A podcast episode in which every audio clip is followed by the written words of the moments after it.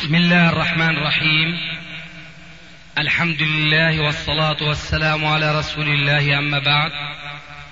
فهذا أحد أشرطة سلسلة الهدى والنور من الدروس العلمية والفتاوى الشرعية لشيخنا المحدث العلامة محمد ناصر الدين الألباني حفظه الله ونفع به الجميع.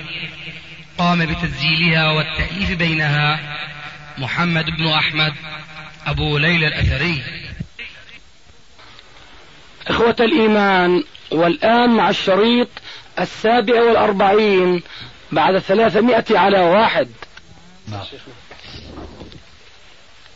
شيخنا في حديث في تاريخ ابن عساكر يقول أخرج الحافظ بسنده عن مسلم بن صبيح أنه قال قال أصحاب رسول الله صلى الله عليه وسلم لرسول الله إنا قد كثرنا فلو أمرت كل عشرة منا أن يأتوا رجلا من صناديد قريش ليلا فيأخذوه ويقتلوه وتصبح البلاد لنا.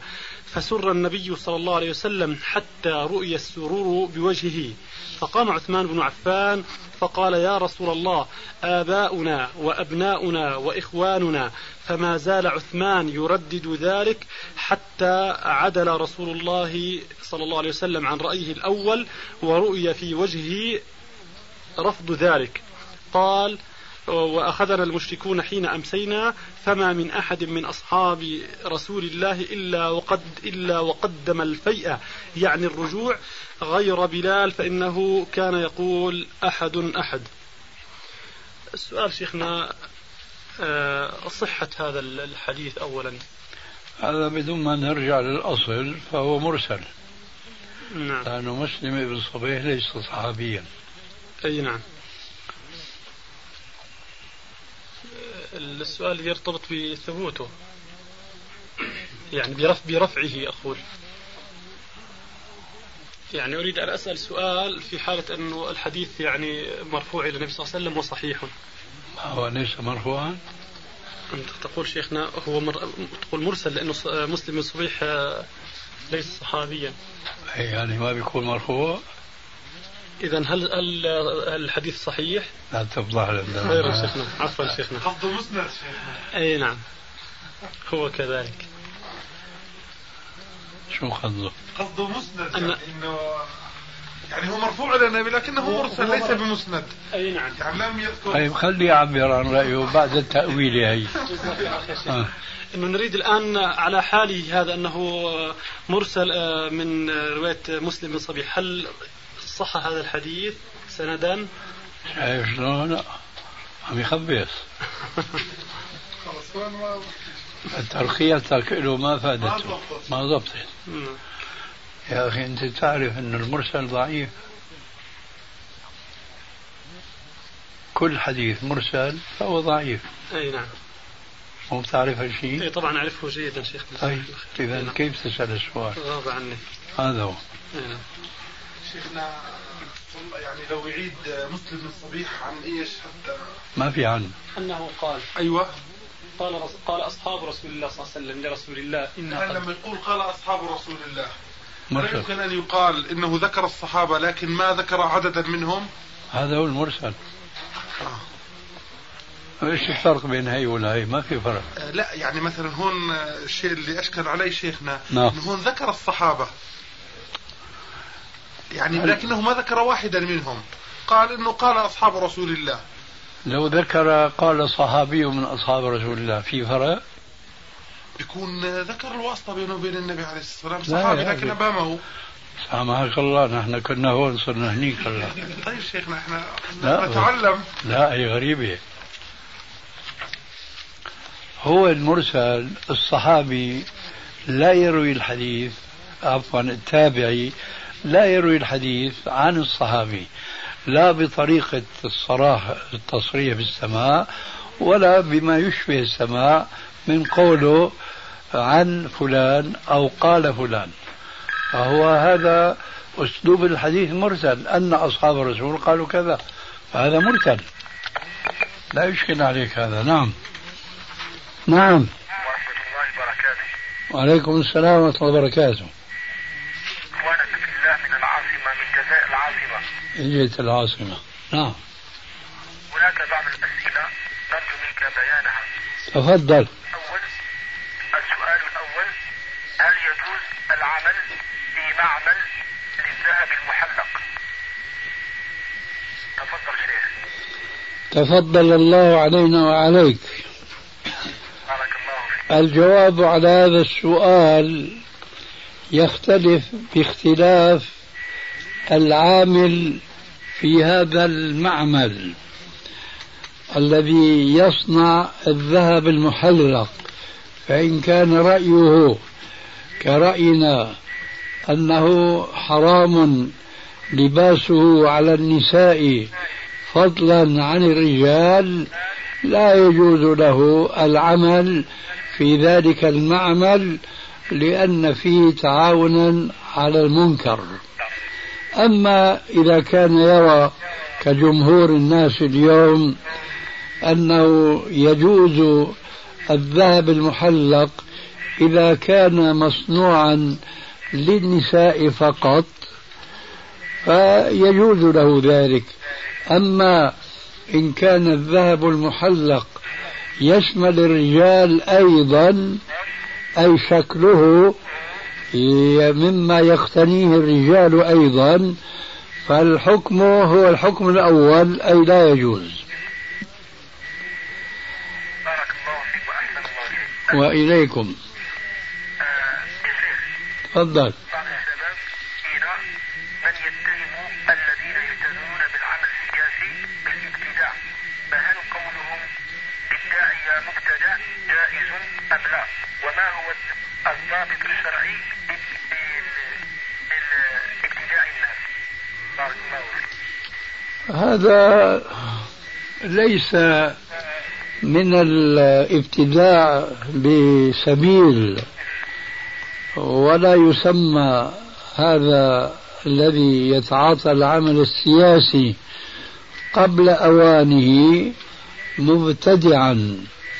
كل ما يمكن أن يقال بأنه خالف نظام الدعوة إلى الله عز وجل مجتهدا لأن الابتداع في الدين هو أن يتقرب المسلم إلى الله عز وجل بعبادة لا أصل لها في الشرع فهو يأتي بها ليزداد تقربا إلى الله عز وجل بها في زعمه.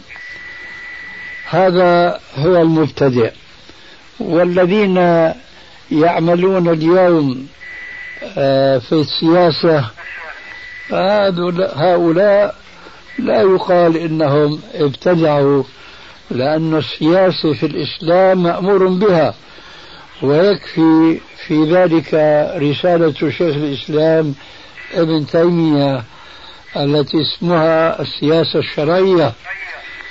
ولكن القضية تتعلق بأساليب الدعوة وليس فيما نعتقد من أسلوب الدعوة في هذا الزمان الذي لا يكاد يوجد بلد إسلامي يشبه في فهمه للعقيدة السلفية الصحيحة المجتمع الإسلامي الأول.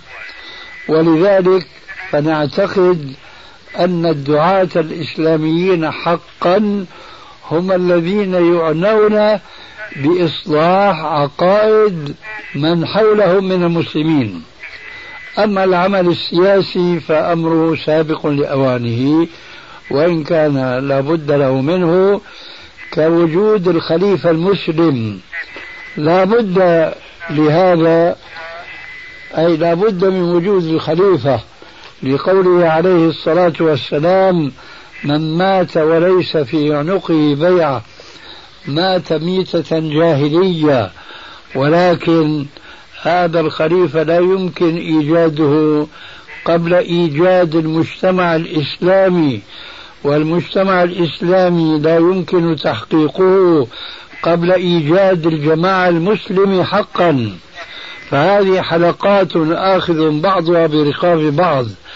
فمن أراد أن يصل إلى الحلقة الأخيرة وهي إيجاد الخليفة مثله كمثل الذي يريد أن يصل إلى رأس الإهرام وهو بعد لم يقعد القاعدة ولم يضع الأساس لهذا البنيان الشامخ. لعلك فهمتني؟ بارك الله فيك يا شيخ. أفدتنا وأجدت في الجواب. يا شيخ. نعم الشباب هنا في العاصمة كلهم متشوقون إلى إلى لقائك وهم يتمنون أشد التمني أن تأتي إلى العاصمة. وكل الشباب هنا السلفي في انتظارك. ولا ندري ما هو السبب الذي آه، لا يسمح لك أن تأتي هنا يا شيخ. أشياء أشياء كثيرة كثيرة جدا وحسبك منها الشيخوخة يا شيخ طوبى لك وحسن مآب. إن الله تبارك وتعالى قال يرفع يرفع الله الذين آمنوا والذين أوتوا العلم درجات. وحياتك نسأل الله تبارك وتعالى أن تكون كلها له عز وجل وأن يرفعك الله بعلمك هذا درجات العلى في الجنة. تقبل الله منك ومن أجل ذلك آه، حيينا ونحيا ما بقينا آمين آه يا شيخ نعم. إن شاء الله هنا كل حال في مكتبة للعاصمة مسجد التقوى والشباب كلهم يبلغونك السلام. وأنا أقول عليك وعليهم السلام ورحمة الله وبركاته. والسلام عليكم ورحمة الله وبركاته. وعليكم السلام ورحمة الله وبركاته ومغفرته. يلا نشوف شيخنا وجود ثقب في الثوب هل يوجب إعادة الصلاة؟ ثقب في الثوب. نعم. تقصد يعني يكشف عن العورة؟ من ناحية الفخذ نعم شيخنا. وجود ثقب صغير أم يعني أم كبير يعني. ثقب صغير أم كبير؟ خليك بقى على وحدة صغير.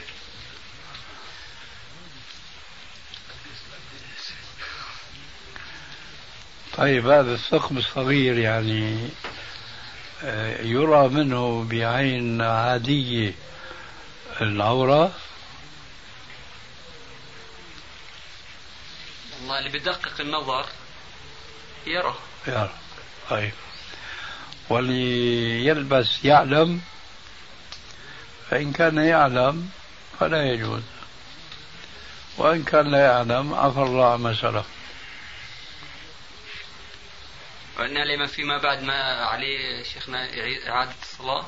كيف؟ إن علم فيما بعد بعد صلاته. لا ما عليه. إلا إذا كان يعلم من قبل. أنا أجبتك على الاحتمالين. إن كان لا يعلم فما عليه عادي. أما إن كان يعلم ثم هو تكاسل فلا بد من الإعادة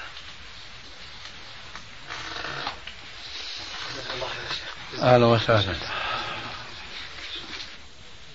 مع الجماعة صلوا فرادى. والإمام الشافعي رحمه الله حينما علق هذا الأثر في الأم قال معقبا عليه وكانوا قادرين على أن يجمعوا مرة أخرى ولكنهم لم يفعلوا لأنهم كرهوا أن يجمعوا في مسجد مرتين. وصرح الإمام الشافعي قبل ذلك تصريحا وافيا شافيا حيث قال وإذا دخل جماعة المسجد فوجدوا الإمام قد صلى صلوا فرادا. صلوا فرادا إذا دخل الإمام الشافعي يقول إذا دخل جماعة المسجد فوجدوا الإمام قد صلى يصلون فرادا. لا يصلون جماعة ثانية. نعم. السلام عليكم ورحمة الله وبركاته. وعليكم السلام ورحمة الله وبركاته. ومغفرته عافاك الله. ممكن أسأل عن الحديث الجديد؟ إيه ممكن. الله يجزيك الخير. الله يحفظك. آه، في حديث يقول آه، ادعوا الله بألسنة ما عصيتموه بها. قالوا ومن أين لنا تلك الألسنة قال ادعوا بعضكم لبعض.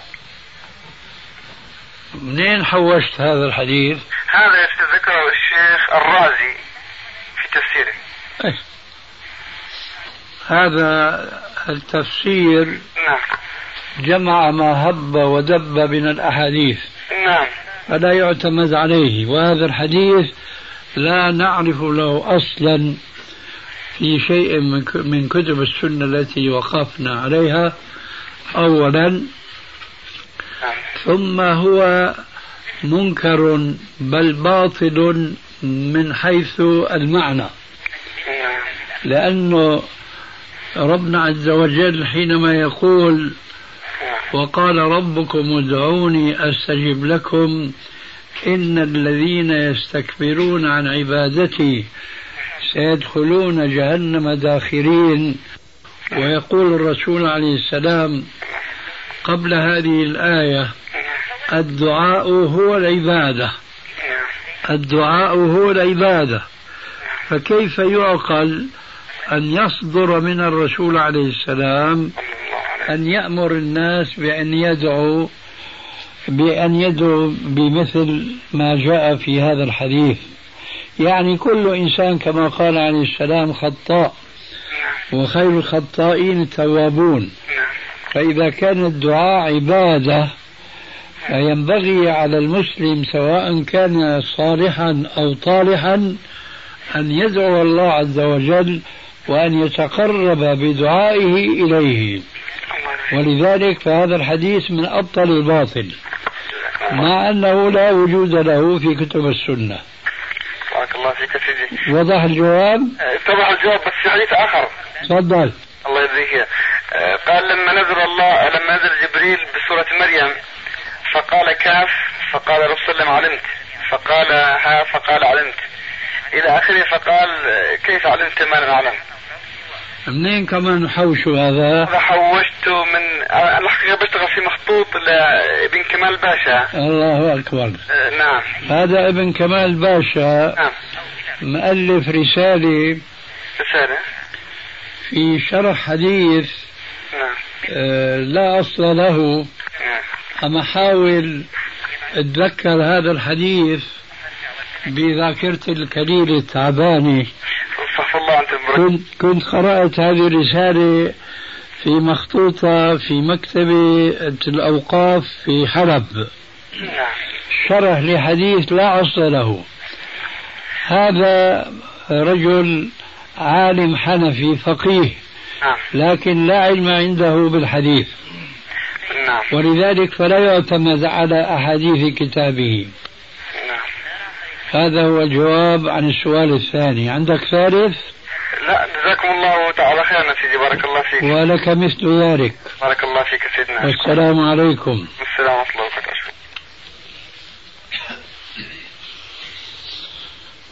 فالإمام الشافعي صرح بأنه إذا دخل جماعة المسجد بعدما صلت الجماعة الأولى يصلون فرادا ثم قال وإن صلوا جماعة أجزأتهم صلاتهم ولكني أكره لهم ذلك لأنه لم يكن من عمل السلف لم يكن من عمل السلف. وأنا قد حفظنا أن جماعة من أصحاب النبي صلى الله عليه وآله وسلم فاتتهم الصلاة مع الجماعة فصلوا فرادى. وقد كانوا قادرين على أن يجمعوا مرة أخرى ولكنهم لم يفعلوا لأنهم كرهوا أن يجمعوا في مسجد مرتين. ثم نجد أثرا يشهد لهذا القول من هذا الإمام الشافعي. وهذا الأثر أخرجه الإمام الطبراني في المعجم الكبير بإسناد قوي أيضا عن ابن مسعود أنه كان عنده رجلان من أصحابه في داره. فحضر وقت الصلاة فانطلق بهما إلى المسجد. وإذا بالناس يخرجون من المسجد فرجع بهما وصلى بهما إماما في داره. فلو كانت الجماعة الثانية مشروعة في المسجد مع استهدار قوله عليه السلام أفضل صلاة المرء في بيته إلا المكتوبة فما دام أنه يريد أن يصلي الفريضة فلما لم يصلها في المسجد وعاد بصاحبيه إلى الدار فأمهما فهذا تصرف عملي من ابن مسعود يدلنا على عدم شرعية إقامة الجماعة في المسجد جماعة ثانية. لكن هنا آه قيد لا بد من ذكره وهو من تمام فقه الإمام الشافعي. حيث قال في الكلام السابق وأما مسجد وأما مسجد على قارعة طريق ليس له إمام راتب ولا مؤذن راتب فتجوز تكرار الجماعة فيه. أقول وعليكم السلام. والسر في هذا الشرط تجويزا وإذا لم يتحقق الشرط منعا أن كل مسجد له مؤذن راتب يدعو الناس إليه وإمام راتب يؤم الناس الذين يجتمعون في المسجد. نعم. السلام عليكم ورحمة الله وبركاته. وعليكم السلام ورحمة الله وبركاته ومغفرته. لدينا ثلاثة من الأسئلة. هاتها الأول ذكرت لنا سابقا آه أن دعاء القنوت قنوت الوتر بالذات يعني نعم. آه يكون من السنة قبل الركوع. أليس كذلك؟ بلى. نعم. آه ولكن قنوت النوازل يكون كذلك أم عكسه يعني بعد الركوع؟ لا النازلة بعد الركوع. آه. أما الوتر فالسنة قبل الركوع كما قلنا لك. نعم. ولعلي ذكرت لك فنسيت. نعم. أو ما ذكرت لك فنسيته نعم. وهو أنه يجوز القنوت في الوتر بعد الركوع. نعم. لكن السنة قبل الركوع. نعم هذا ذكرت لي إياه. آه لأنك ما ذكرته لي ولذلك احتطت فقلت إما أن نسيت وإما أن نسيته نعم. أما قنوت النازلة فالسنة بعد الركوع. أيوه. أي نعم. ويلزمه طبعا صلاة على رسول الله بالنهاية. أي نعم. آه، هل ورد عليه السلام. يصطحب معه أو يكون معه من الملائكة عند قبض الروح خمسمائة. ما نعلم هذا في كتب السنة. نعم. ما ورد عدد يعني. لا في آخر سؤال إن شاء الله.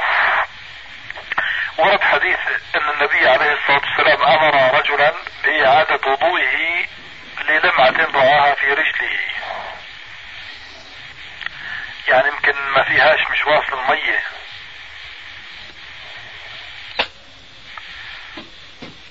أنا عم أسمع تمام السؤال. أعيده؟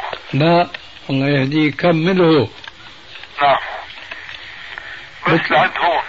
إيه، شو السؤال يا أخي؟ بتقول مبتدأ زيد شبه قائم قاعد متكلم صامت إلى آخره. بتقول أنت ورد حديث وذكرته. وين السؤال؟ السؤال إنه هل ورد حديث أن النبي عليه الصلاة والسلام أمر رجلا؟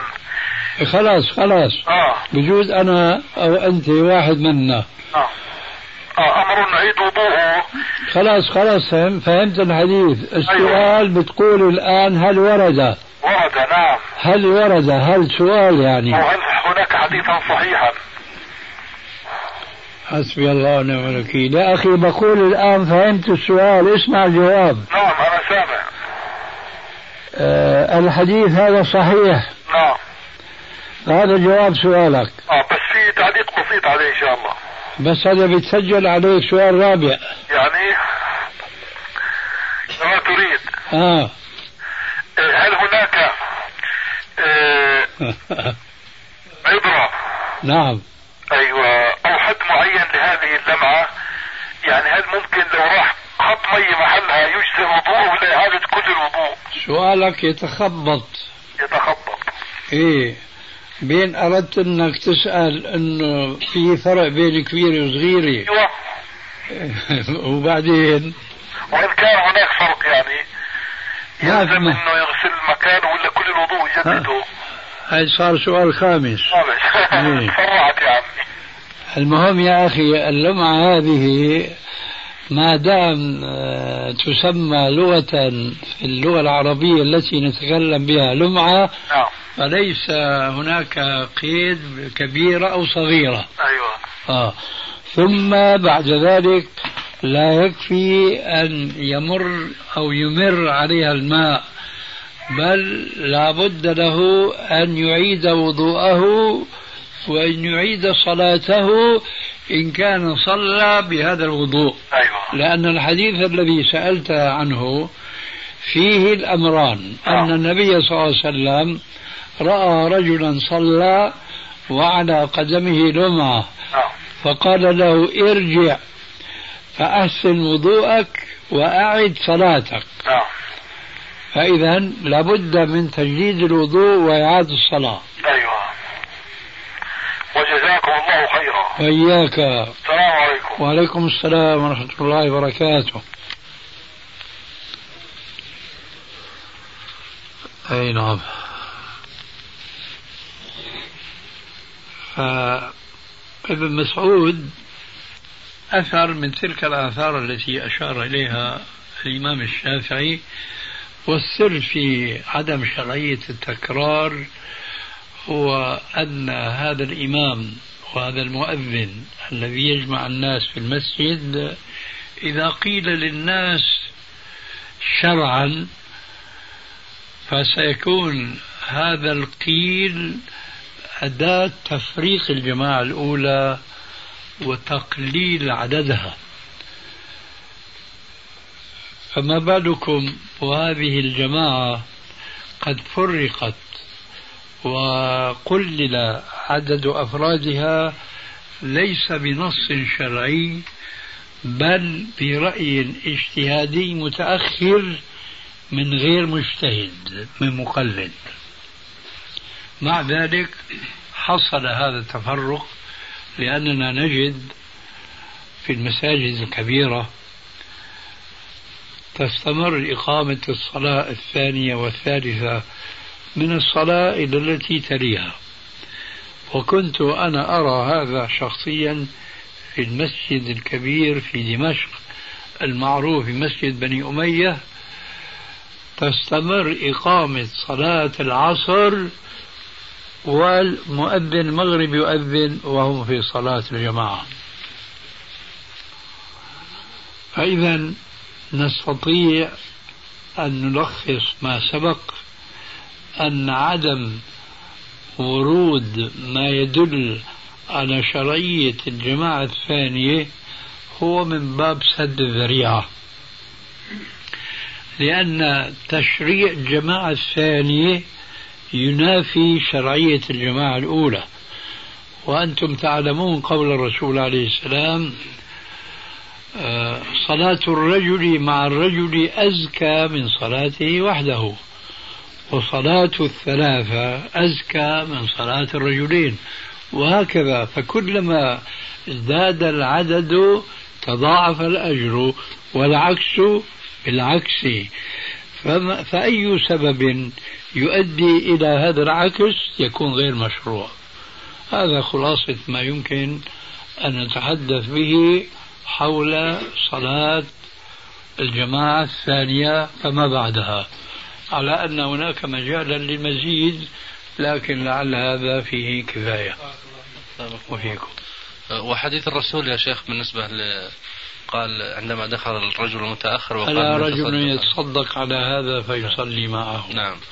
أنا أتعجب والله من كثر الترداد السؤال عن هذا الحديث وليس من عامة الناس ولا من طلبة العلم بل من مشايخ العلم.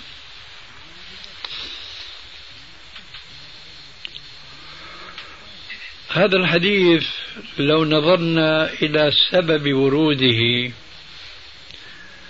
لكان كافيا لمعرفة أنه لا علاقة له بالبحث السابق إطلاقا. ولكن قبل ذلك أريد أن نتأمل وأن نشغل عقلنا وفكرنا. هل يمكن لأحد أن يطبق نص هذا الحديث؟ في الجماعة الثانية. ألا رجل يتصدق على هذا فيصلي معه. هنا رجلان في هذه الحادثة. متصدق ومتصدق عليه. في الجماعة الثانية من المتصدق من المتصدق عليه؟ أو قبل أن نسأل هذا السؤال في ذيك الجماعة التي قال الرسول ألا رجل يتصدق على هذا فيصلي معه. هما رجلان بعدين ننتقل للجمع الثاني. من المتصدق ومن المتصدق عليه في هذين الرجلين؟ هات نشوف. يكفيكم آه سماعا. فالآن يكفيني أنا سكوتا واستماعا. أسمع منكم ماذا ترون في جواب هذا السؤال. رجلان صلى أحدهما بالآخر. من المتصدق ومن المتصدق عليه في تلك الحادثة؟ الإمام متصدق عليه. نعم. الإمام متصدق عليه. الإمام متصدق عليه. نعم. بدليل ألا رجل يتصدق على هذا فيصلي معه. واضح هذا الجواب؟ جميل. الآن نعود إلى السؤال السالف.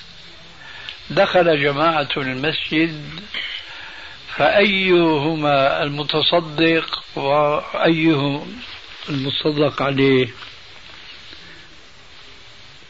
هو الإمام أيضا؟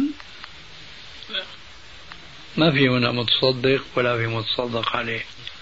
واضح؟ لذلك حشر هذا الحديث في موضوع الجماعة الثانية تحميل له ما لا يطيق. الحقيقة هذا الحديث يدل على ما دل عليه سبب وروده.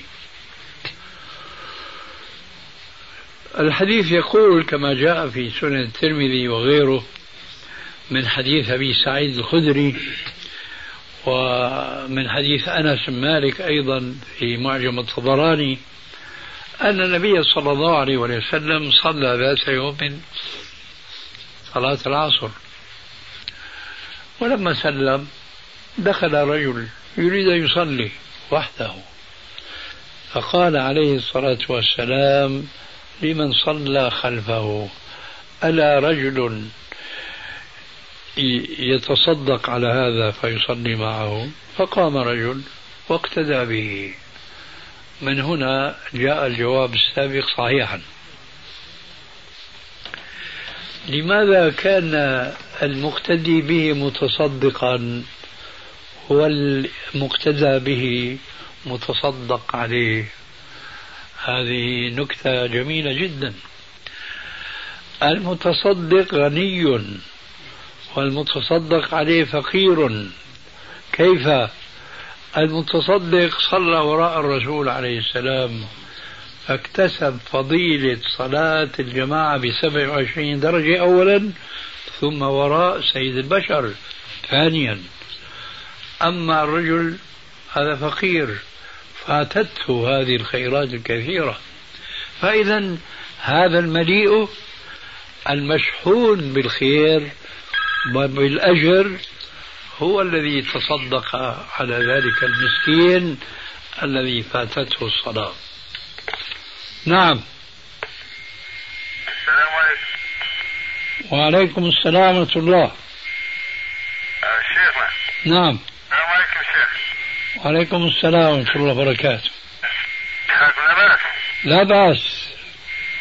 أبي شيخ حاب نطرح سؤال. اطرح ولا تبالي. نعم. فيما يخص الخل يا شيخ. الخل مصنع الخل. مصنع الخل؟ نعم. إيه. شو هو مصنع الخل؟ لا الحق يعني سمعنا أن الخل فيه الكحول المادة الأولية. سمعت إنه في كحول؟ نعم. إيه. من أين سمعت هذا؟ يعني سمعنا منها ما نجيبوا المادة الأولية. ما لك وما سمعت يا أخي اطرح سؤالك وامشي. نعم ما لك وما سمعت اطرح سؤالك. هل يجوز صنع الخل ولا لا؟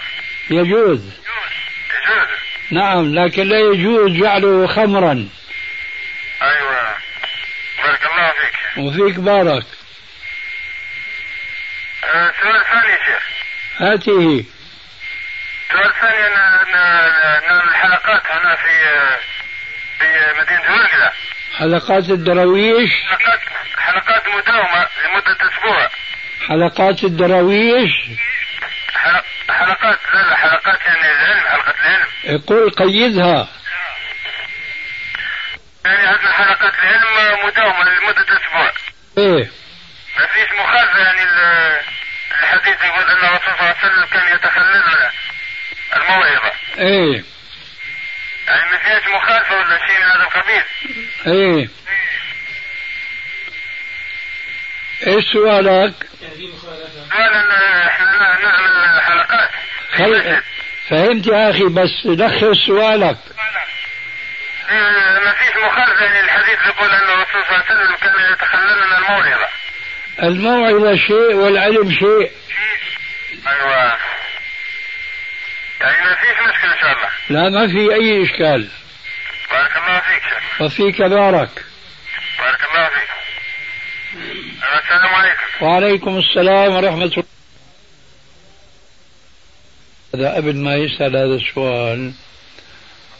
آه، بين المغرب والعشاء أو بعد آه، أذان العشاء. واحد يسألني. بيقول لي آه، بلغنا أنك رجعت عن القول بإباحة الخل.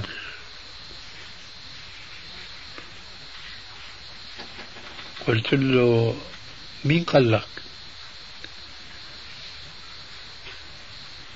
قال قرأنا في شريط. قلت له إيش قرأت في الشريط؟ قال إنك أنت رجعت عن القول بإباحة الخل قلت له الله يهديك. أحسن السؤال ثم اسأل. يعني أنت بتسأل إنه رجعنا عن القول بإباحة اللحم مثلا وإباحة الأكل. إيش هذا السؤال؟ سكرت. بعد شوية بعيد السؤال. بعيد الجواب. بعدين ظاهر كأنه عرف أنه فعلا مش عارف يسأل.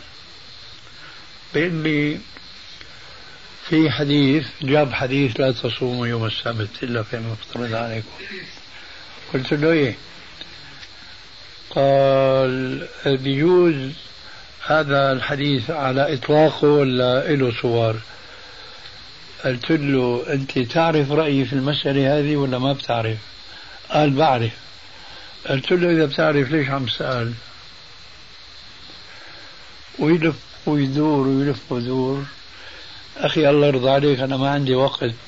ما دام تعرف رأيي شو بدك تسأل؟ عندك إشكال؟ احكي أربع مرات.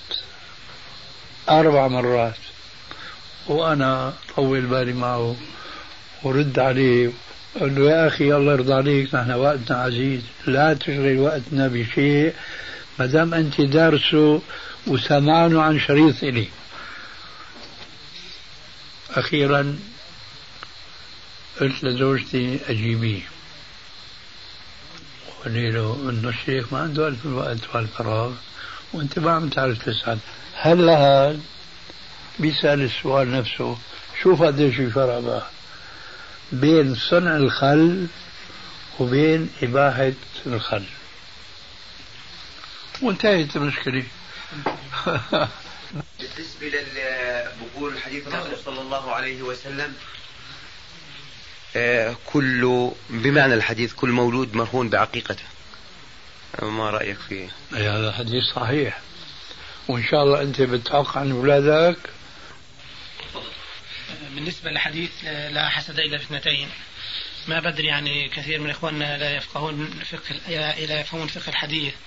فيعني يفهمون أن طالب العلم لابد أن يكون فقيرا لابد أن دائما يعني يده هي السفلى ويد الناس هي العليا. وإن كلما كان بعيدا عن الدنيا يأخذون الآيات القرآنية والأحاديث الرسول صلى الله عليه وسلم مالي وللدنيا على إن هكذا يكون طالب العلم. لكن ما بدري لعلي مخطئ أو مصيب في فهم الحديث فبدي أسمع فقه الحديث حتى لو من الله سبحانه وتعالى وفقك لكتابة رسالة في هذا الموضوع فإن شاء الله تكون فيها خير جزاك الله خير بحسن ظنك بأخيك لكني أنا أشتهي أيضا أن أسمع رأيك وأن يستفيد الحاضرون بعلم من علمك. وأظن أننا سنلتقي إن شاء الله على الفهم الصحيح. نعم. أطرح ما عندك ولا تبالي. يعني أنا أنت موفق إن شاء الله. أفهم أن كما أن الإنسان العلم يعتبر نعمة على صاحبه إذا وافقه العمل الصالح آه. وابتغى به رضا الله عز وجل. وكذلك المال إذا جمعه وابتغى به أن ينفقه في سبيل الله فيكون جمعه للمال كما أنه يطلب العلم. هذا ما أفهمه أن أن يكون معي المال الذي أنفقه في سبيل الله كما يكون معي العلم الصالح الذي أعلمه للناس. صحيح. فما بدري يعني إخوة بعض الإخوة قالوا لا طالب العلم يجب أن لا يجلس في مكان مثل اللي أنت جالس فيه وهذا لا يتناسب مع طالب العلم. عفوا لا ينبغي أن يجلس في مكان اللي أنا أجلس فيه في المكتبة مثلا أبيع للناس وأتحرك أنكروا علي ذلك. عجيب الله آه فحبيت هذا وهذا شيء جديد بالنسبة لحياتي ما تعودت عليه. لكن حبيت طبعا الشيخ عبد العظيم قال لي بدون ترى عند الشيخ اليوم يعني خليه يحكي لك في هذا الأمر. آه، أظن أنه جواب آه، هذا السؤال وبخاصة بعد أن آه، ألحقت الملحق هذا أنهم يقولوا أنت جالس هنا في المكتبة وأنت طالب علم. أخذته سلفا. نعم. لما قلت لك نعمة ما فعلته. نعم. واضح؟ واضح. لكن أنا أشرح الآن. هؤلاء الأخوان يجب أن يؤكد لهم الرأي الصحيح الذي قلته لهم.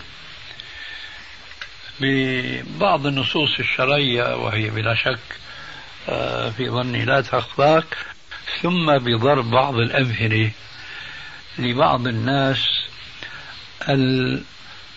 المبتلين بالشهرة قديما وحديثا بين الناس. ولهم الصيت الحسن عند الجماهير وربما على العكس من ذلك عند الآخرين. أما الحديث قد جاء في مسند الإمام أحمد وغيره أن النبي صلى الله عليه وآله وسلم آه، أرسل وراء عمرو بن العاص.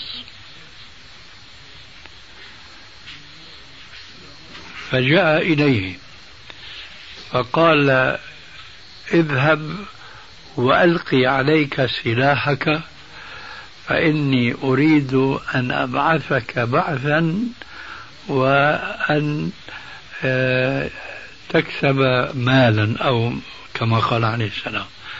قال يا رسول الله ما من أجل المال أسلمت. ما من أجل المال أسلمت. فقال عليه الصلاة والسلام يا عمر نعم المال الصالح للرجل الصالح. فإذا سعى طالب العلم لكسب المال بالطرق المشروعة فإنما يقوم أولا بأمر مشروع بل وبأمر واجب أحيانا إذا كان غير مكفي بمال عنده بطريق بطريقة أو بأخرى. لأن السعي وراء الرزق الحلال في عرف الشرع الحكيم هو من الجهاد في سبيل الله. كما جاء في مسند أحمد فإذا سعى طالب العلم لكسب المال بالطرق المشروعة فإنما يقوم أولا بأمر مشروع بل وبأمر واجب أحيانا إذا كان غير مكفي بمال عنده بطريق بطريقة أو بأخرى. لأن السعي وراء الرزق الحلال في عرف الشرع الحكيم هو من الجهاد في سبيل الله. كما جاء في مسند أحمد أيضا وغيره كصحيح بن حبان من حديث أبي بن كعب أن النبي صلى الله عليه وآله وسلم كان جالسا وحوله أصحابه حينما مر بهم شاب. فأعجبهم شبابه وقوته فقالوا لو كان هذا في سبيل الله. فقال عليه الصلاة والسلام إن كان هذا خرج يسعى على آه، أبوين شيخين كبيرين فهو في سبيل الله. وإن كان يسعى على أطفال أو أولاد له فهو في سبيل الله. الحقيقة التي تكمن وراء ذاك الاعتراض الذي نقلته عن بعض الطلبة أنهم ينحون منح أولئك الذين يفرقون بين الدين والدولة. يفرقون بين الدين والدنيا. والله عز وجل قد جعل الدنيا مزرعة للآخرة. فكما قلت تماما المال وسيلة لطاعة الله عز وجل. وسيلة وأيما وسيلة ولا يخفى على الحاضرين جميعا إن شاء الله حينما ائتمر الفقراء بينهم وتداولوا في حالهم فأرسلوا رسولا من طرفهم إلى النبي صلى الله عليه وآله وسلم. فقال يا رسول الله ذهب أهل الدثور بالأجور. يصلون كما نصلي ويصومون كما نصوم ويحجون كما نحج ويتصدقون ولا نتصدق. قال أفلا أدلكم على شيء إذا فعلتموه؟ سبقتم من قبلكم ولم يدرككم من بعدكم إلا من فعل مثلكم. فطار الرسول إلى الفقراء فرحا مسرورا يبلغهم قول النبي صلى الله عليه وآله وسلم هذا. وسرعان ما عاد الرسول رسول الفقراء إلى النبي صلى الله عليه وآله وسلم ليقول يا رسول الله لقد بلغ الأغنياء ما قلت لنا ففعلوا مثل ما فعلنا. قال عليه السلام ذلك فضل الله يؤتيه من يشاء. إذا المال فضل الله يؤتيه من يشاء ولكن لا يجوز لطالب العلم أن يتواكل على غيره. وأن يضرب مثلا لذاك الذي يروى أن عمر بن الخطاب كان كلما دخل المسجد وجده قائما يصلي. فقال له أن كلما دخلت وجدتك ها هنا. ألا تسعى وراء الرزق؟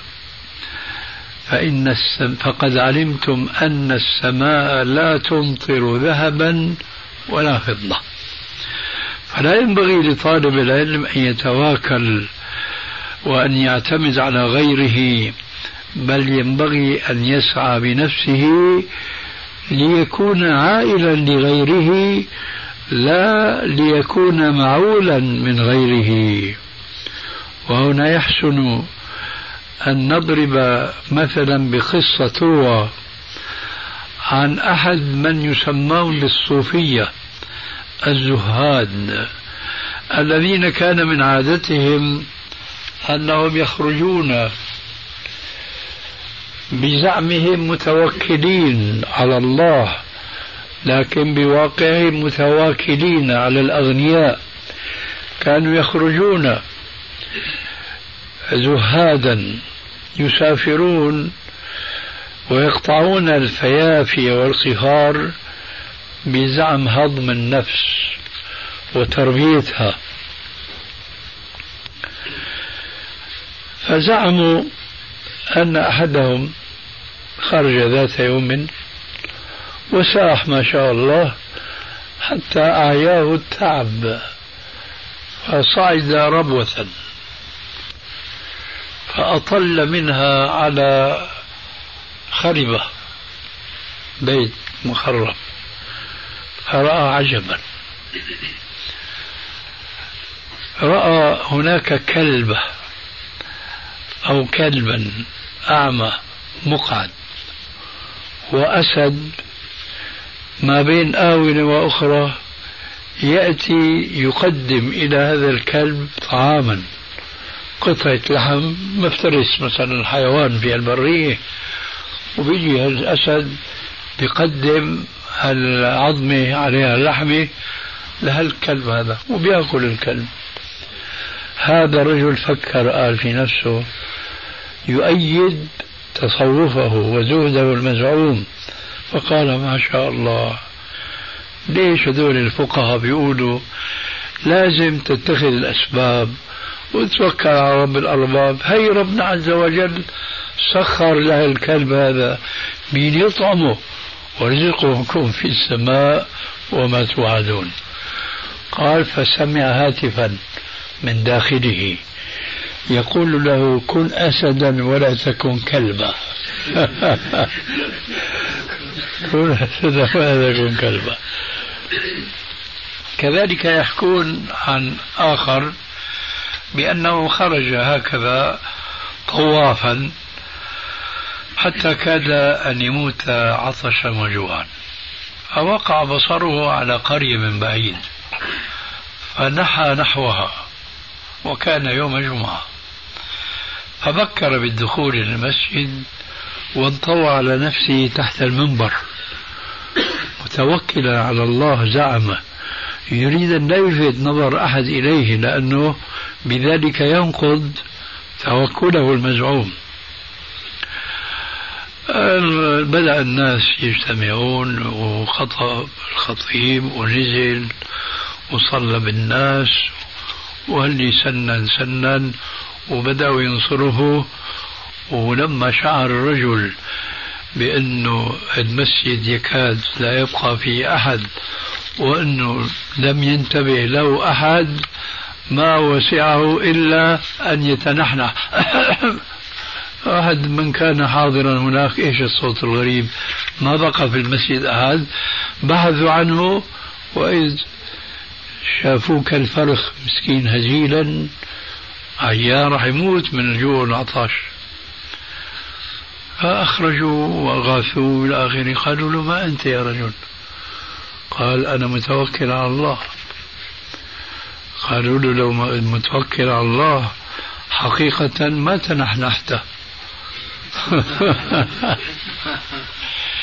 فالشاهد إن الإسلام جاء بخير الدنيا والآخرة. فمن الخير للمسلم أن يحقق فيه قول النبي صلى الله عليه وآله وسلم اليد العليا خير من اليد السفلى واليد العليا هي المعطية. وفي لهجة عربية هي المنطية. أعواض المعطية هي المنطية. واليد السفلى هي الآخذة بل أنا أؤكد بخصوص هذا الزمان أن طالب العلم يجب أن يكون يجب أن يكون في يده مهنة وصنعة. وأن لا يسعى كما يفعل جماهير طلاب العلم الآن. وهذا يخل بإخلاصهم في طلبهم للعلم. حينما يطلبون العلم فجمهورهم يقصد بذلك أن يتوظف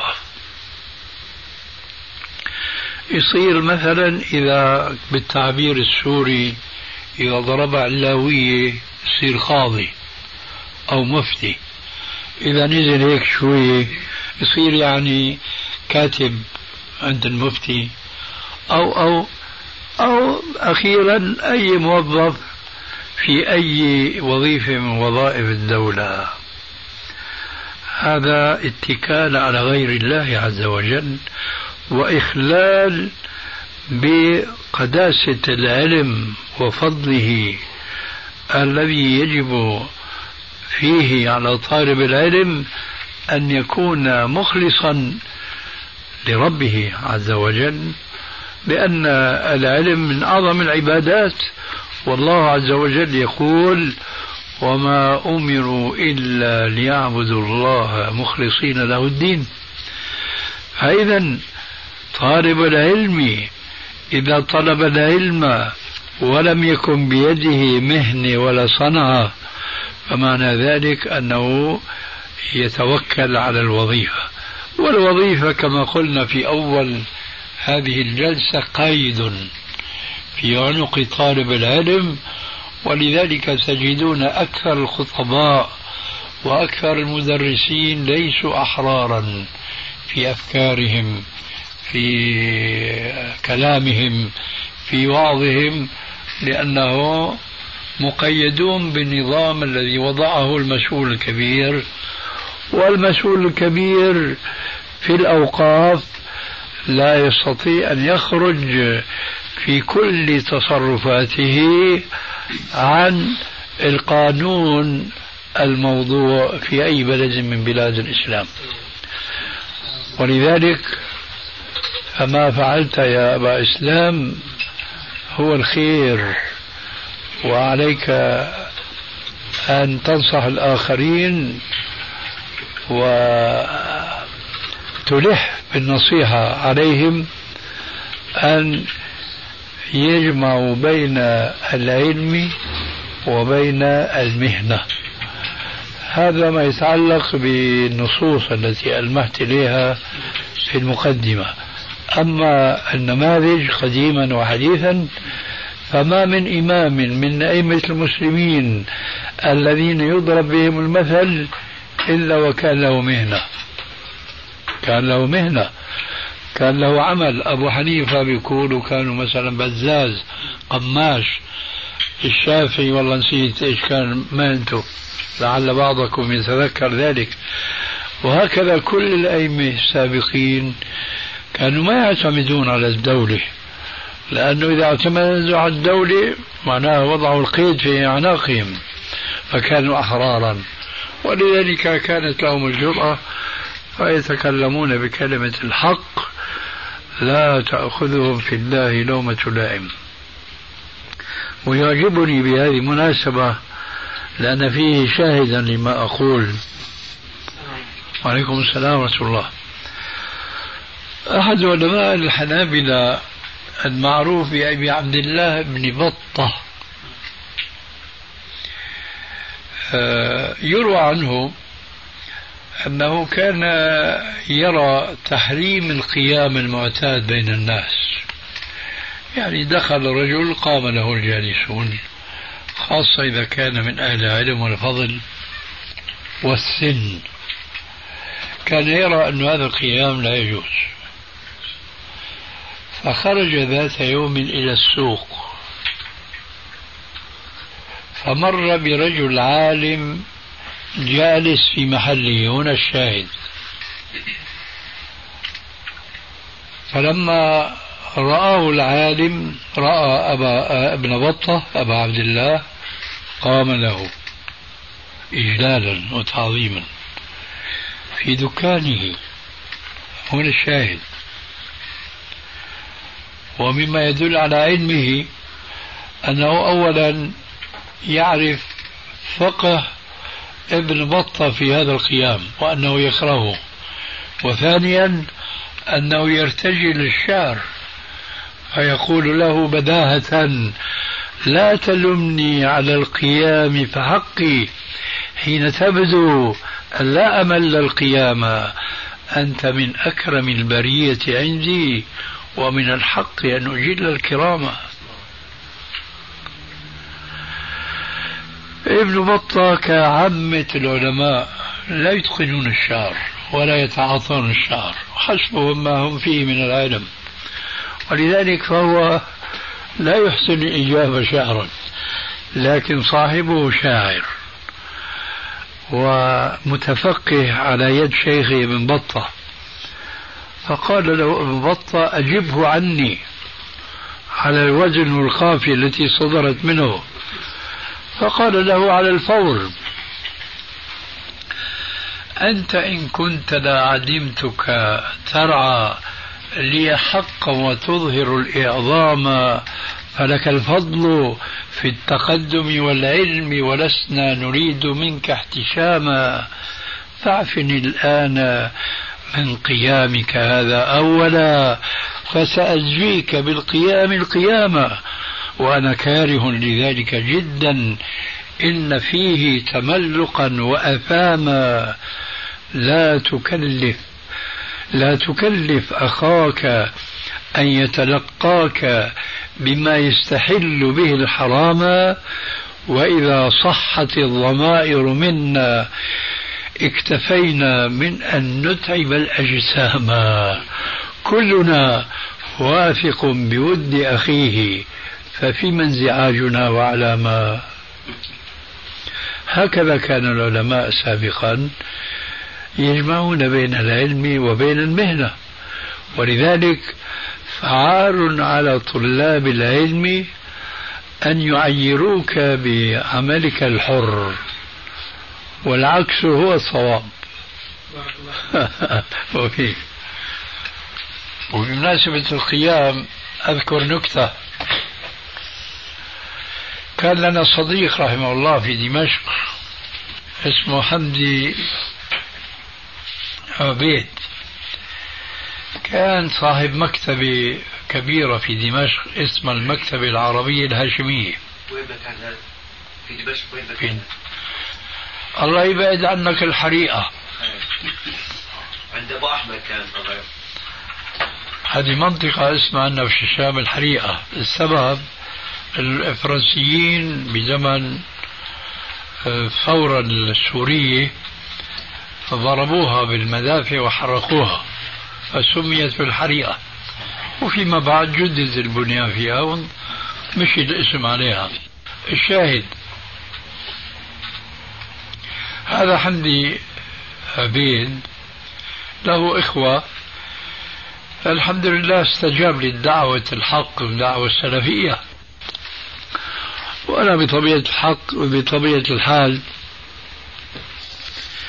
كنت أتردد على هذه المكتبة أول نشأة العلمية كنت في مهنتي وهذا مثال لازم تقدمه لجماعة غزون أن الشيخ ساعاتي وإلى الآن أنا بشتغل أشياء كثيرة وكثيرة جدا آه، في البيت آه، ربما قلما يعني أحتاج أن آتي بإنسان ما دمت أنا أستطيع أن أفعل ذلك.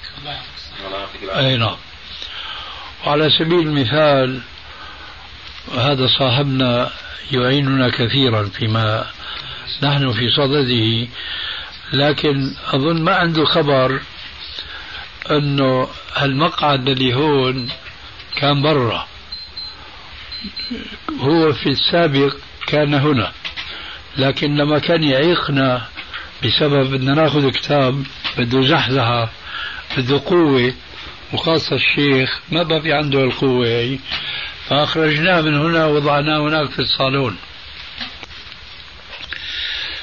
بعدين فكرت إنه هذا المقعد نحن بحاجة له لأنه حينما يأتي ناس مثل إخواننا الآن لازم ننقل كراسي. وهذا النقل قد يتعبنا أو يتعب غيرنا. اذا لازم نجمع بين جلب المصلحة ودفع المفسدة. جلب المصلحة لازم المقعد الرجل هون لكن هذا بسد الكتب اللي وراء المقعد. لازم بقى نركب عجلات. شوفوا بقى العجلات اللي مركبة. هذا التركيب الألباني. طبعا أنا ما عندي خراطة ما عندي كذا. إنما بضع بخطط وبفصل. وهذا الأخ الله يجزيه خير دلنا على حداد. رحنا عنده قلنا له افعل كذا قص كذا قياس سنتي سماكة كذا إلى آخره. واشتريت العجلات. وجينا رأسا نكبرها مرة قر سخناها هلأ إذا كان بدنا ناخذ كتاب بنكشة بسيطة دفعة بسيطة هيك بيمشي العجل. هذا طالب العلم لازم ما يحتاج الناس يا أخي في أي شيء لو أمكن. لكن ما لا يدرك كله لا يترك كله. فأنا أول ما بدأت في طلب العلم كنت ساعاتي. ما كان عندي مكتبة.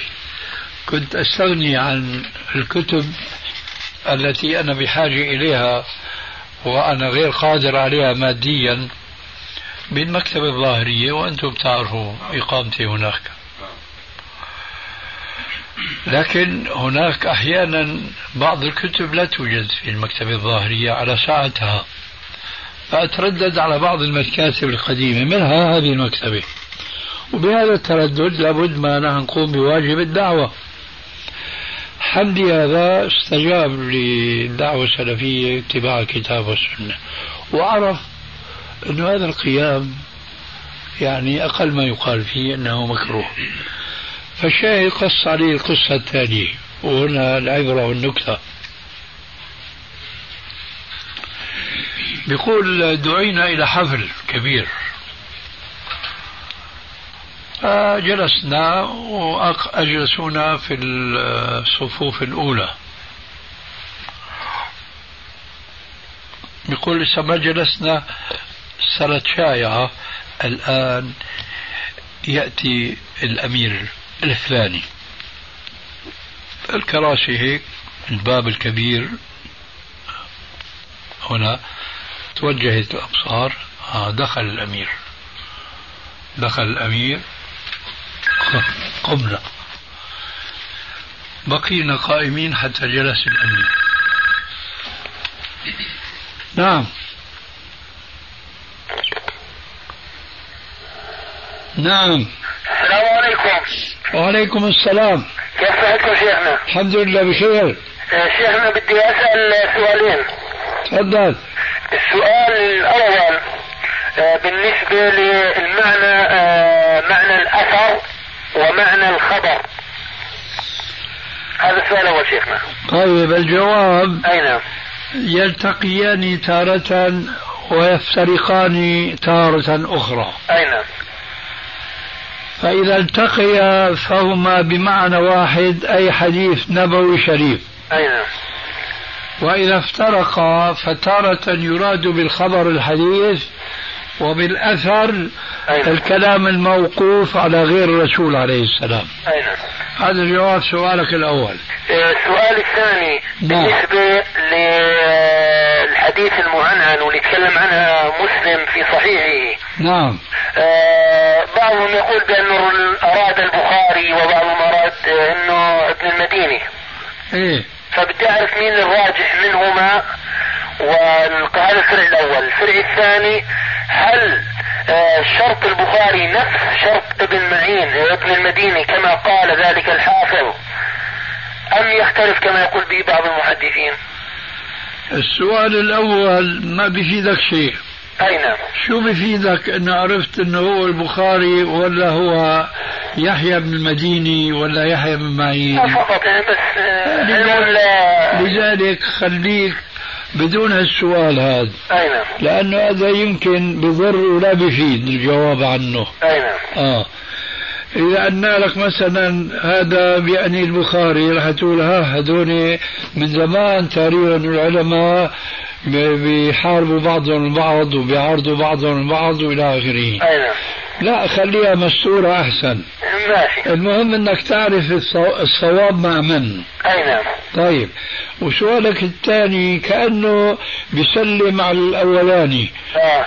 كأنه بقول أعطي بالك. أي نعم. ليش؟ لأنه ربما أنا ما استوعبته جيدا فأعده علي لأفكر فيه من جديد. أي نعم. أعده علي. إيه بالنسبة يعني آه، كأني قرأت يعني إذا ما زلت أحفظ ما قرأت إنه بعضهم يفرق شرط البخاري عن شرط ابن المديني.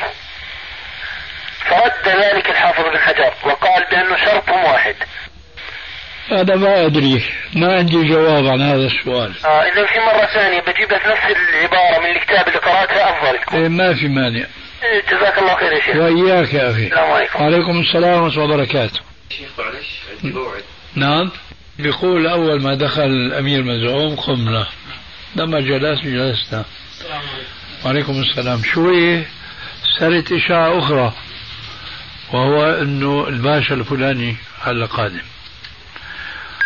قال توجهت أنظار الباشا دخل قمنا وقعدنا نعم. السلام عليكم. وعليكم السلام ورحمة الله. شيخنا غلبناك معنا هسه نصحح السؤال؟ تفضل.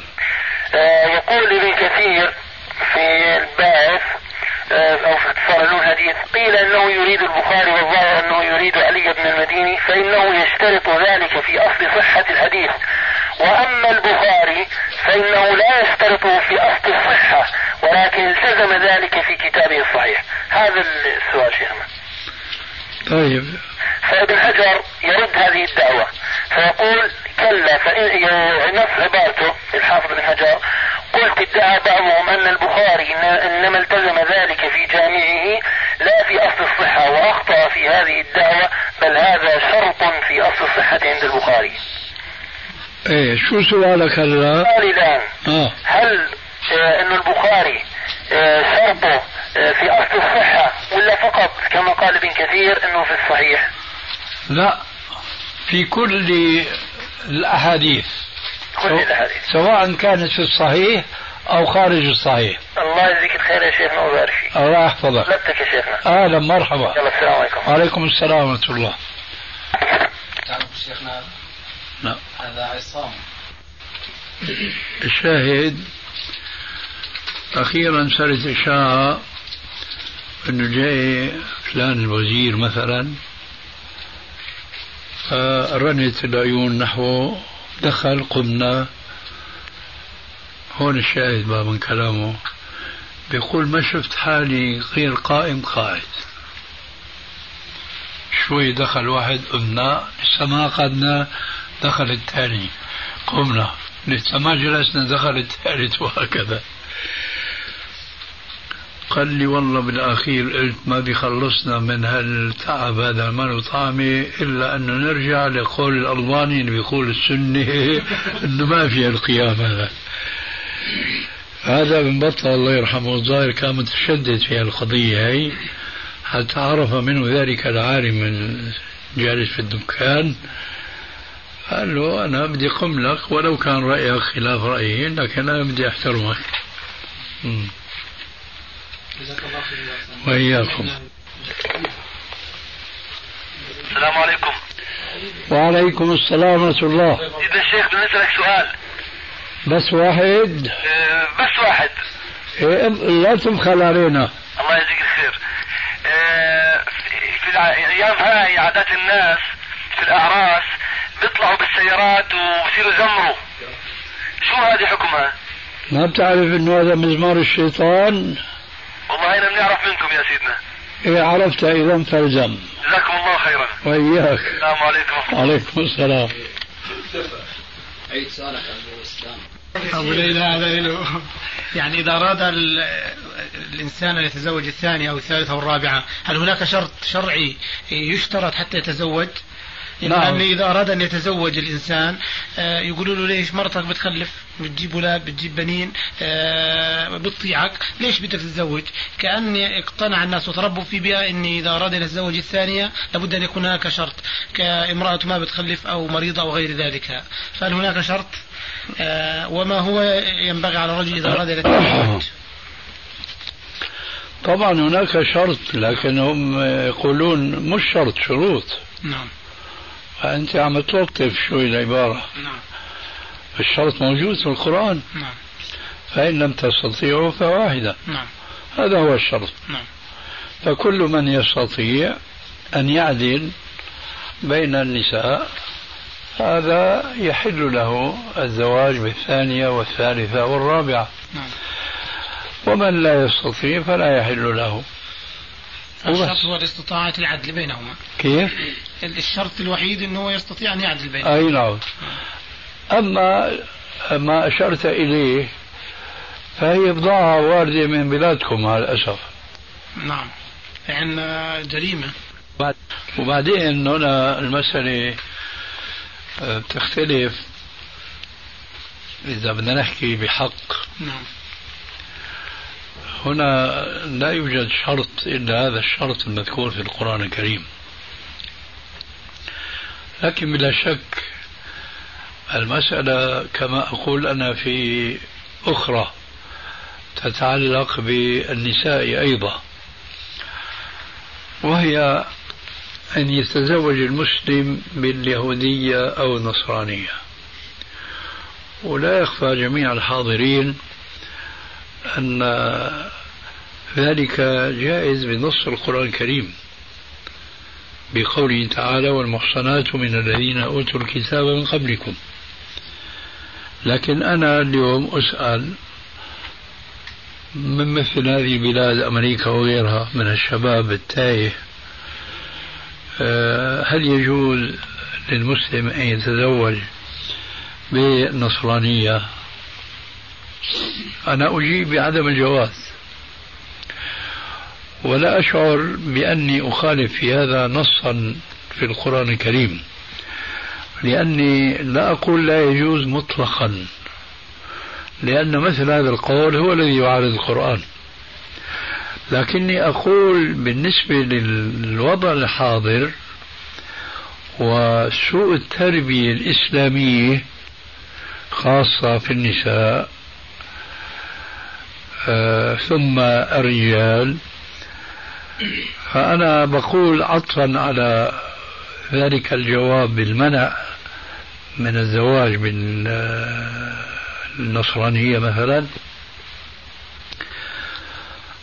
نحن لا نجيز للمسلم الصالح أن يتزوج المسلمة الطالحة الفاسقة المتبرجة. التاركة للصلاة. فكيف نجيز اليوم للمسلم أن يتزوج الفتاة النصرانية ولم يبقى عند هؤلاء النصارى خاصة بهذيك البلاد شيء مما يعرف عند المسلمين بالشرف والمحافظة على العرض والعفاف ونحو ذلك. نحن لا نجيد المسلم يتزوج بالمسلم الفاسقة لماذا؟ وهنا الشاهد. الفرس من الفارس. فنحن عم نشوف اليوم كثير من الشباب بعضهم وقع. وبعضهم قبل أن يقع يسأل. يجوز أنه أتزوج أنا فتاة مسرور منها من أخلاقها وسلوكها بس مثلا هي غير متحجبة أو مثلا ما بتصلي بقول أنا لا ما بيجوز تتزوج قال أنا بربيها. بقول له هي شمعة بإيدك تربيها نحن بنعرف كثير ناس قالوا الكلام فانعكست القضية. صارت المرأة هي تربي الرجل. الرجل اللي كان بده يتزوج المرأة ويخليها تتجلبب وإذا بها بتخليه يحلي لحيته. السلام عليكم. وعليكم السلام ورحمة الله. كيف الصحة شيخ؟ إن شاء الله بخير. الحمد لله بخير. بارك الله فيك. أسفين لإزعاجك ممكن نسألك سؤال؟ تفضل. الله يزيد فضلك. شيخي أنا اشتغلت عند إنسان بنسبة نسبة من الأرباح في المية عشرين بعد سنة من العمل اختلفنا فطلبت تصفية الحساب. قدم كشف بأنه ما فيش أرباح نهائيا. بارك الله فيك فأنا اعترضت على هذا الأمر. وقدمت أنا بيني لأنه أنا كنت أيضا أكتب المبيعات. أيوة. ووضعنا تحكيم بيناتنا. أيوة. المحكم قال لي أنت ما بيحق لك آه يعني تقدم بيني لأنه دفاترك مش رسمية قلت له ماشي. فأنا أطلب يمين على تقدير هذه الأرباح. إن حلف بأنه هذه صحيحة. فأنا ما إلي شيء أما إذا لم يحلف فالمفروض يلتزم بما أنا أقدمه أنا دفاتري جاهزة للاطلاع. قال أنا بدي أسأل من الناحية الشرعية هل يحق لي أن أطالب بيمين أم لا؟ فقط. أيوة. هل يحق لي أستاذي أم لا يحق؟ كيف لا يحق؟ يحق لك. بارك الله فيك. البينة على المدعي واليمين على من أنكر. هو يقول أن أن أوراقي ليست بينة. فاهم فاهم فاهم. لأنه ما عندك بينة شرعية قانونية مثلا فعليه هو اليمين. بارك الله فيك. وفيك بارك. الله يجزيك الخير. أهلين والسلام عليكم. إيه. فنحن ما نقول الآن بجواز اللي هو الأصل في المسألة. كذلك نعود إلى مسألة التعدد. الشرط السابق هو ال- العدل. لكن الفرس من الفارس. هل يغلب على الظن أن جماهير الناس اليوم لو أرادوا أن يقدموا على التكرار أو التعداد للزوجات أنهم أهل لتطبيق العدل الشرعي هذا أقل من القليل. لذلك في حدود القلة نقول نحن بالجواز. واضح؟ وفيك بارك. لما قال ونجد نعم. السلام عليكم. وعليكم السلام ورحمة الله. آه، الشيخ عبد الناصر أنا أتكلم معك من أمريكا. وعندي سؤال. أنا أستعيذ بالله بن عبد الناصر. آه، اسمح لي. شيخ عبد الناصر؟ لا لا. أنا اسمي محمد ناصر الدين. آه، اسمح لي. آه. محمد ناصر الدين الألباني مش كده؟ إيه أنت بدك إياه؟ بدي بدي سؤال تجاوبني عليه إذا إيه تفضل. بس أنت عبد الناصر بتعرف إنه مات. أيوه الله يرحمه. طيب آه السؤال هو أنه إذا كان إنسان يشتغل في مكان يباع فيه ال- الخنزير أعزك الله وهو لا يمس هذا الخنزير ولا يبيعه ولكن المحل اللي يشتغل فيه هو الذي يبيع هذا هذا الخنزير. فهل المكسب الذي يكسبه هذا الإنسان حرام أم حلال؟ آه ما هو المحل يا أخي؟ هو محل يباع يباع فيه آه، آه، المواد الغذائية مواد غذائية. من جملتها لحم الخنزير. نعم. إيه وما في من جملتها الخمر؟ لا. ما في خمر لا. ما في أشياء محرمة أخرى؟ آه، في آه، في اللوتري هذه آه، ميسر. مسألة يعني مكنة هذه. آه.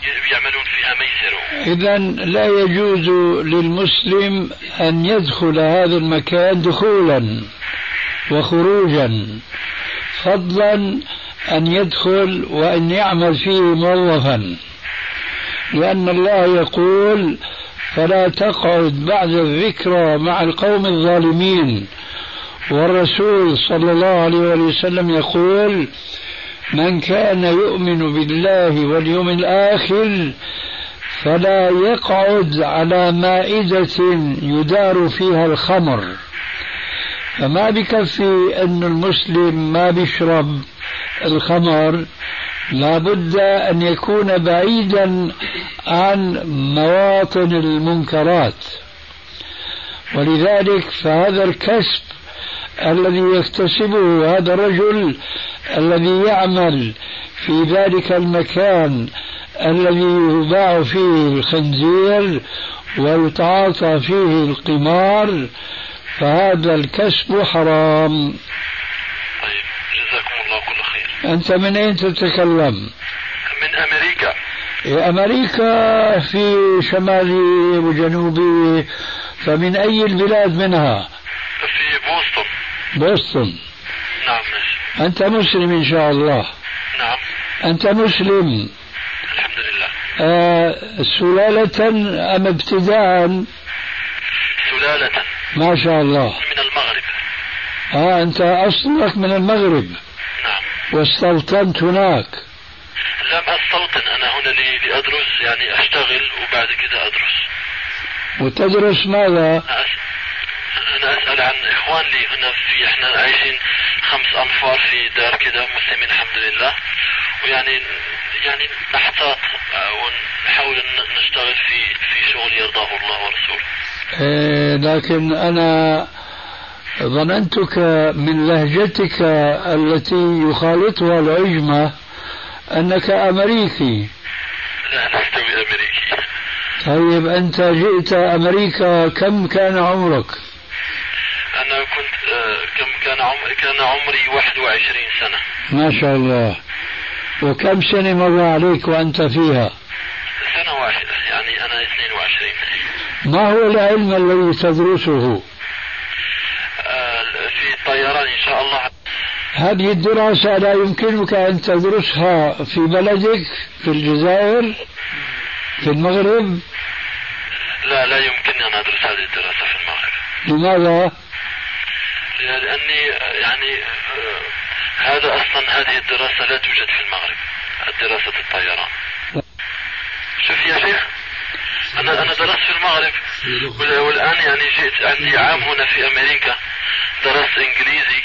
ويعني الحين أشتغل شوية عشان يعني أكفي الإنفاق على الدراسة. طيب لما ب... لما بدك تدرس الطيران نعم. بدك آه، تدرس على حساب الدولة المغربية ولا على حسابك الخاص؟ على حسابي الخاص. لأنه ما ما ما يعملون هذا في المغرب. أنا أريد من هذه الأسئلة كلها أن أذكرك بشيء قد يكون غائبا عنك وهو أن الاستيطان لبضع سنين في بلاد الكفر لا يجوز. لعلك تعلم هذا؟ يعني ما عندي فيه تفصيل بس يشرح لي يا شيخ. أحسنت. يقول الرسول صلى الله عليه وسلم المسلم والمشرك لا تتراءى نارهما. مفهوم هذا الحديث عندك؟ اشرحنا يا شيخ. آه. لعلك تعلم أن العرب قديما كانوا يعيشون في الخيام على طريقة البدو وكانوا يوقدون النيران أمام الخيام. الرسول عليه السلام خاطب الناس بما يعقلون وما يفهمون. فقال المسلم والمشرك لا تتراءى نارهما أي إذا أوقد المسلم نارا أمام داره أو أمام خيمته وكذلك المشرك يوقد النار أمام داره أو خيمته. فينبغي أن يكون المسلم بعيدا عن المشرك كل البعد بحيث أن المسلم لا يرى نار الكافر والكافر لا يرى نار المشرك واضح؟ نعم واضح طيب كذلك يقول الرسول عليه السلام أنا بريء من كل مسلم أقام بين ظهراني المشركين واضح هذا؟ نعم واضح أخيرا الحديث الثالث والأخير وهو من جوامع كلم الرسول عليه السلام. قال من جامع المشرك فهو مثله أي من خالطه وعاشره فهو مثله في الضلال. وإن كان ضلال مسلم يختلف قليلا أو كثيرا عن ضلال الكافر. ولذلك وأنا أنصح المسلمين المقيمين في كل بلاد الكفر سواء في أمريكا عندكم أو في أوروبا حيث فيها كثير من المغاربة والجزائريين في فرنسا وبريطانيا ونحوها. ننصحهم بأن يعودوا في أقرب وقت إلى بلادهم. هذا ما عندي من النصيحة عندي أخ عنده عنده سؤال إن شاء الله إخوة الإيمان تتمة الكلام في الشريط التالي. فليتفضل السلام عليكم ورحمة الله. وعليكم السلام ورحمة الله وبركاته. كيف حالك يا شيخ؟ أحمد الله إليك. بارك الله فيك كيف أنت؟ الله يخليك. نعم. كيف أنت؟ الحمد لله الله يجزيك بخير أهلا. يا شيخ؟ تفضل. أي أي مرجع يعني يمكن إن شاء الله نطلع عليه عشان هذا الموضوع هذا يعني قطن المسلم في بلاد الكفار يعني. كتاب أو الحقيقة لا أعلم. يعني مصدرا خاصا يجمع الكلام في هذا الموضوع الخطير.